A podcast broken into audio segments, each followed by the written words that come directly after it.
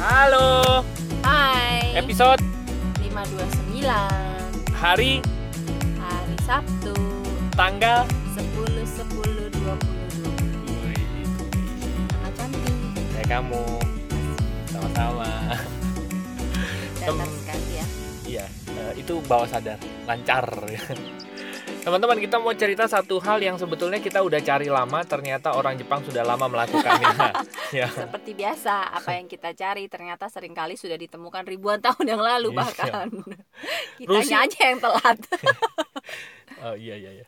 Rusi kayaknya kamu udah tahu ini lama ya sebetulnya kalimat ini yang Oh. disebut sebagai ikigai. Gue baru tapi baru ngeh Apa tuh? udah pernah dapat gambar eh, lingkaran empat empat lingkaran. Mungkin Hmm. teman-teman juga udah pernah dapat deh gambar ini. Empat lingkaran terus beririsan terus setiap irisannya itu ada namanya ini ini ini sampai yang tengah.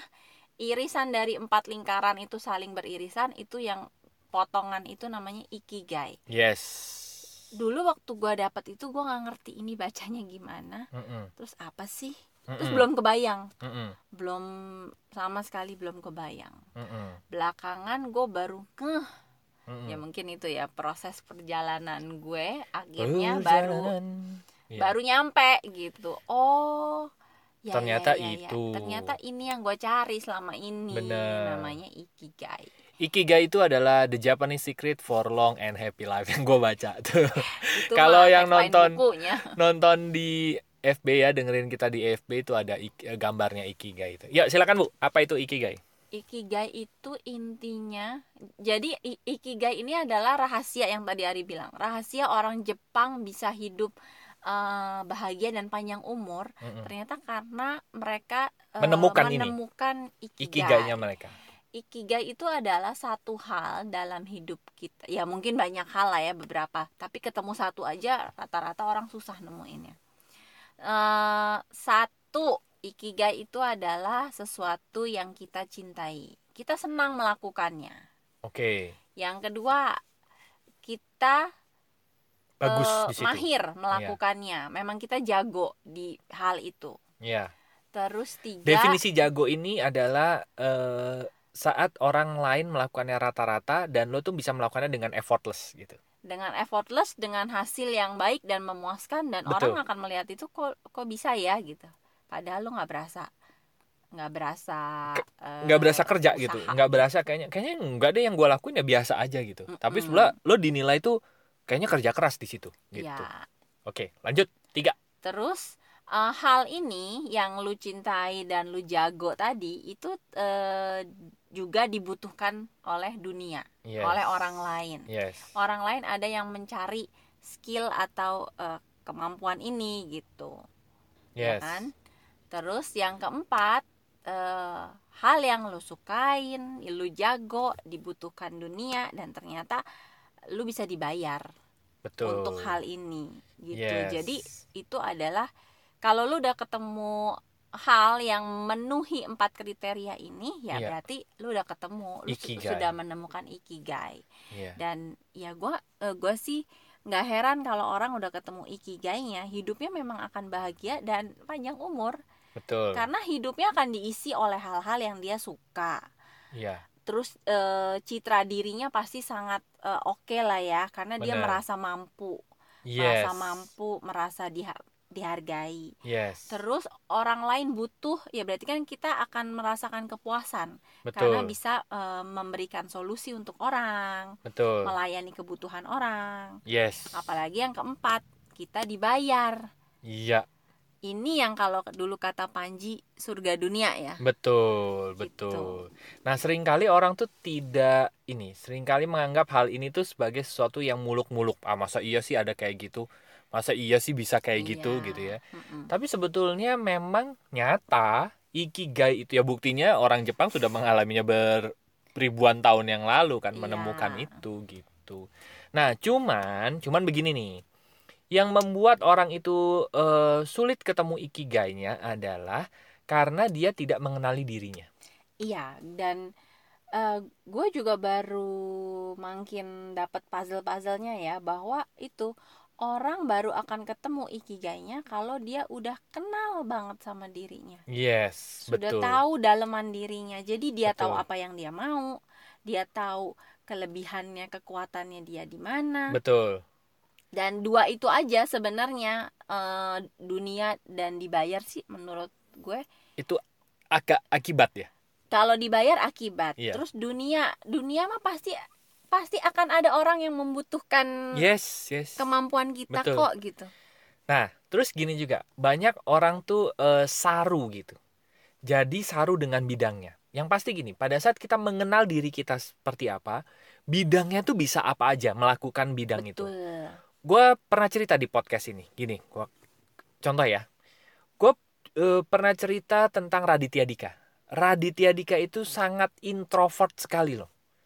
Gue harus bilang bahwa beliau tuh sangat introvert sekali. Iya. Ya kan? Tapi bidang usahanya ya bidang industri yang dia pilih itu me- ba- eh, apa ya tidak menggambarkan bahwa bidang itu tuh introvert karena itu kan memang diperlukan orang-orang yang ekstrovert kan betul karena Gitu. eh, bidang industri yang dia pilih stand up komedi ya dia eh, apa tampil, Tampil. di depan banyak orang Mm-mm. dia berhubungan dengan media-media dan Mm-mm. itu kan pasti eh, nggak kebayang gitu betul kok bisa ya masa sih dia introvert gitu? ya kan?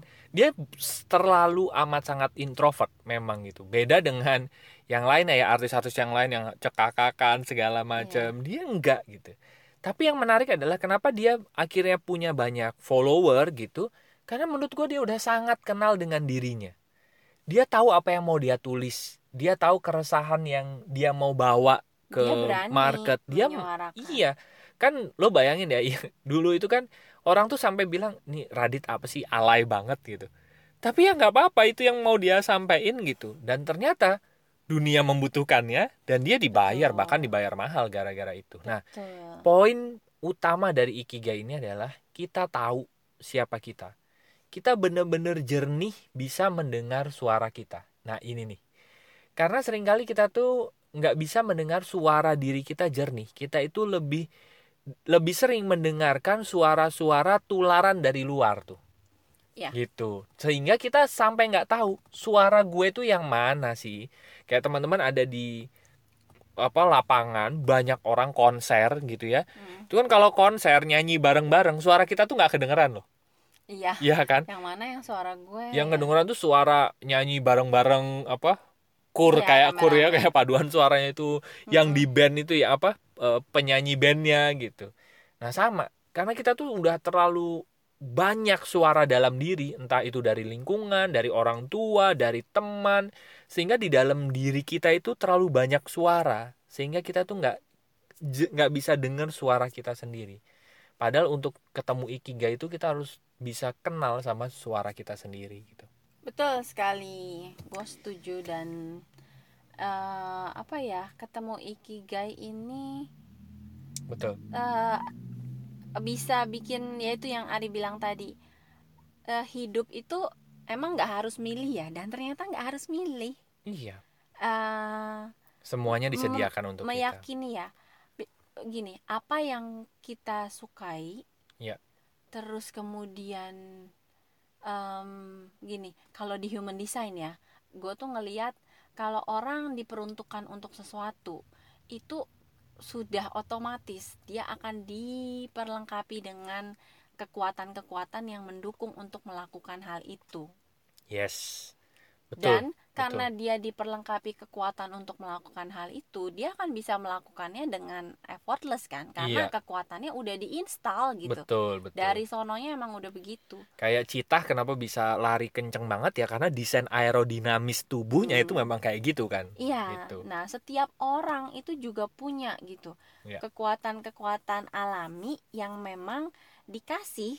Karena dia memang diperuntukkan untuk suatu peran gitu. Iya. Untuk suatu posisi betul. Nah, sayangnya eh, banyak orang yang malah Desainnya begitu. Nyimpen, Iya, benar. malah se- senjata ampuhnya disimpan. Betul. Terus dia nyari senjata lain yang orang punya. Eh, kayaknya gua harus bisa begitu ya. Benar Padahal senjata itu dia nggak punya karena memang dia bukan bukan untuk melakukan hal yang itu gitu. yes Jadi bertahun-tahun banyak orang sibuk menjadi menjadi sesuatu yang Hmm. sebenarnya bukan dia gitu. betul Padahal di dalamnya dia punya kekuatan yang luar biasa gitu. Betul. Jadi gue tuh gue. suka merasa ironis gitu. benar Sayang ya gitu. betul intinya sih ya jangan mikirin bidangnya dulu menurut gue Betul.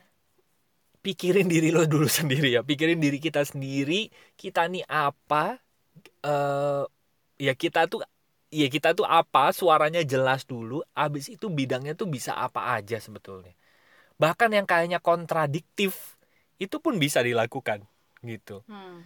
sangat bisa Yang dilakukan kayak yang kayak tadi kayak tadi Raditya Dika itu Raditya tadi kan Dika, gitu ya. yang sangat bisa dilakukan gitu tapi mereka melakukannya dengan cara mereka gitu dengan cara diri mereka ingin di ya cara desain diri mereka gitu benar kayak eh, ini mungkin kalau yang udah dengar podcast kita udah dari lama pasti udah pernah dengar juga ya Mm-mm. bahwa waktu di saat-saat eh, gue lah ya yang terutama di saat-saat kita pernah jatuh gitu ya Hmm.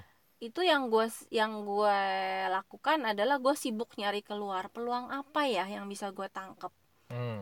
gue harus ngapain ya oh gue gue akan cari bidang apa ya yang banyak orang berhasil gitu Hmm. bidang apa gitu yang eh, kok gue ngelihat temen gue gitu ngelakuin ini oh dia sukses ya Hmm. temen gue ngelakuin ini oh dia berhasil ya Mm-mm. dan gue terus ngelihatnya keluar keluar keluar keluar Mm-mm.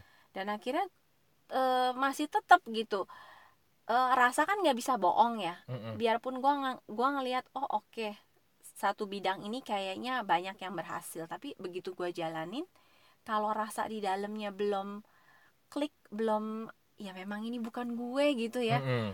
kadang-kadang kita mikir gini apakah gue terlalu picky Hmm. apakah gue terlalu pemilih Hmm. tapi sebenarnya enggak menurut Mm-mm. gue Eh, itu rasa yang memang sinyal untuk kita dengerin bahwa ada Mm-mm. sesuatu yang memang ada untuk kita gitu.